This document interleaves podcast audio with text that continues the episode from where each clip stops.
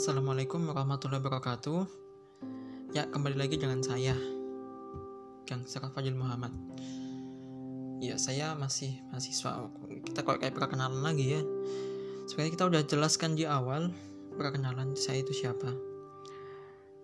Oke, saat ini kita akan membahas mengenai episode yang kedua yang berjudul Winners Never Hate and Haters Never Win. Eh, ya, percaya nggak? Iya. Emosi-emosi negatif semacam kedengkian, kebencian, iri, terus apa lagi? Cemburu, terus apa lagi? Takut. Emosi-emosi negatif kayak gitu itu sebenarnya adalah musuh bebuyutan dari keberhasilan percaya sama saya. Kamu kamu takut mesti nggak bakal melangkah. Kalau kamu benci kamu juga gak bakal melangkah. Hasad iri dengki dendam yang ada malah kita itu malah sakit hati ketika kita akhirnya hidup kita tuh nggak nyaman gitu loh. Kalau enak gak sih kalau hidup kita itu dipenuhi dengan kebencian dipenuhi dengan kedengkian dengan iri cemburu? Ada yang nyaman kayak gitu kamu hidup dipenuhi seperti itu yang ada malah kita setiap ketemu orang kita malah berprasangka buruk. Suuzon lah istilahnya. Ya sama dengan itu. Kan pernah nih ada orang nih misalkan ada ya ada orang sehingga perlu sebut namanya aja. Ketika seseorang orang lain itu berhasil dia itu nggak suka. Orang teman kita berhasil atau teman kita sukses kita tuh nggak suka. Ah kok dia tuh bisa lebih sukses dari aku ya? Anggap bahwa Allah itu nggak adil. Allah itu nggak apa ya kayak istilahnya itu kayak nggak adil. Akhirnya kita menyalahkan Tuhan akhirnya kita menyalahkan Allah dan dan sebenarnya itu itu nggak baik sih kalau kita membenci kesuksesan mereka kita membenci keberhasilan mereka kita itu sama aja kita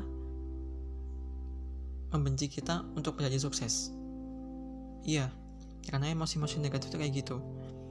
Kita membenci orang kaya, sama aja kita membenci diri kita itu untuk menjadi orang kaya. Iya nggak sih? Ya seperti itu. Nah terus sama aja kita nggak pingin sukses, nggak pingin kaya. Jadi untuk uh, gimana ya? Jadi hilangkanlah sikap benci itu dari sikap benci dari diri kita nah itu agar kita itu tidak tidak takut melangkah gitu loh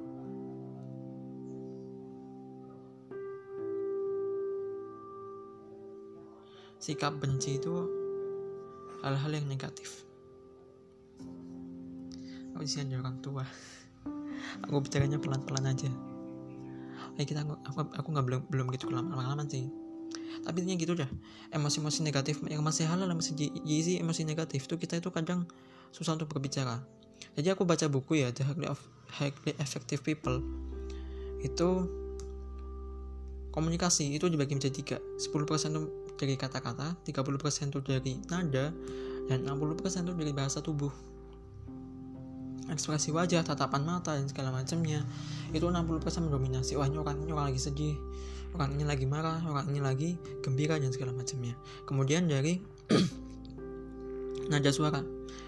Orang ini kok kayak kelihatan nggak semangat, orang ini nggak lesu dan orang ini lesu gitu dan nggak semangat, nggak terinspirasi dan nggak ada energinya sama sekali. Ataupun yang, yang terakhir itu dari kata-kata. 10 persennya orang ini orang bingung gitu. Dan ya pasti kelihatan. Ya kelihatan banget gak sih? Kelihatan banget dalam hal ini seginya tuh amatiran banget tuh. Amatiran banget dan ya begitulah intinya. Dan intinya tuh kita balik lagi. Jadi seorang jadi kita lihat deh dalam dalam komunitas di sosial media ketika seseorang misalkan menampilkan sesuatu atau memposting sesuatu ada nggak orang-orang yang nggak suka? Ya pasti ada. Atau kita uh, ini apa namanya mencapai suatu keberhasilan. Ada yang nggak suka nggak? Ada. Cari aja terus kesalahannya. Ya akhirnya tapi pernah nggak lihat seorang pembenci seorang komentar negatif di postingan tersebut itu menjadi, memberikan suatu hal yang bermanfaat gitu. Di sosial media lah contohnya aja gitu. Atau dia itu bisa memberikan suatu hal yang bermanfaat atau enggak. Yaitu salah satu contohnya. Intinya gitu sih. Ah, kayaknya agak repot juga mengenai emosi soalnya aku masih belum pengalaman banget dalam dunia hal emosi. Dan ini masih belajar aja berbicara di depan umum. Ini teorinya agak berat sih dan emang emang baca yang buku yang aku baca itu belum terlalu banyak tapi hanya sekedar pengalaman. Dari pengalaman gue dari dalam dunia politik yang terutama dunia politik. Kalau dunia politik itu biasanya itu kita menilainya secara tidak sub, secara tidak objektif. Paham gak jadi kalau kelompok lain tuh mesti salah gitu dan kelompok kita selalu benar walaupun salah gitu kita nilainya benar tapi kalau kelompok lain uh, kayak kelompok lawan misalkan walaupun itu adalah suatu hal yang benar kita mesti cari-cari kesalahannya gitu. Jadi ya akhirnya nggak objektif gitu. Ya aku pernah sih aku tuh menjelekan mengatakan suatu hal kebenaran yang ini benar-benar jelek pada kelompokku sendiri. Cuma aku doang yang berani situ waktu itu. Ya akhirnya aku disukai nggak disukai juga sama sama kelompok politikus sendiri apa apalagi sama ya lawan ya aja sih ya hanya sekedar teman aja tapi bukan sebagai kawan politik. Dan obsesi terhadap politik ini sebenarnya bahaya. Dan ini dipenuhi dengan kebencian sebenarnya. Dunia politik tuh kebencian. Kita kalau untuk dunia politik itu pasti yang ada adalah win loss ya. Kalau aku menang ya kamu kalah. Gitu nggak ada namanya istilah win-win solution. Kalau kamu untung aku juga untung gitu. Istilah apa? Dalam dunia perdagangan.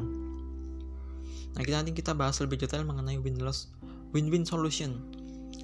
Kalau simpelnya aja kalau misalkan win-win solution ini misalkan nih kamu lagi kelaparan kamu lagi butuh makan. Nah aku menyediakan makanan. Lah kamu aku ngasih makanan kamu ngasih duit. Kamu untung ya kamu aku juga untung. Nah intinya win-win solution. Jadi itu ya kita itu dapat hal yang berharga intinya gitu dah. Kita sama-sama untung. Jadi kita tidak ada kata kebencian di sini.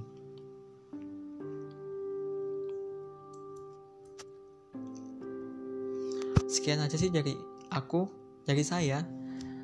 Ini lagi belajar berbicara aja di depan umum dan siapa tahu bermanfaat. Dan ya udah gitu aja sih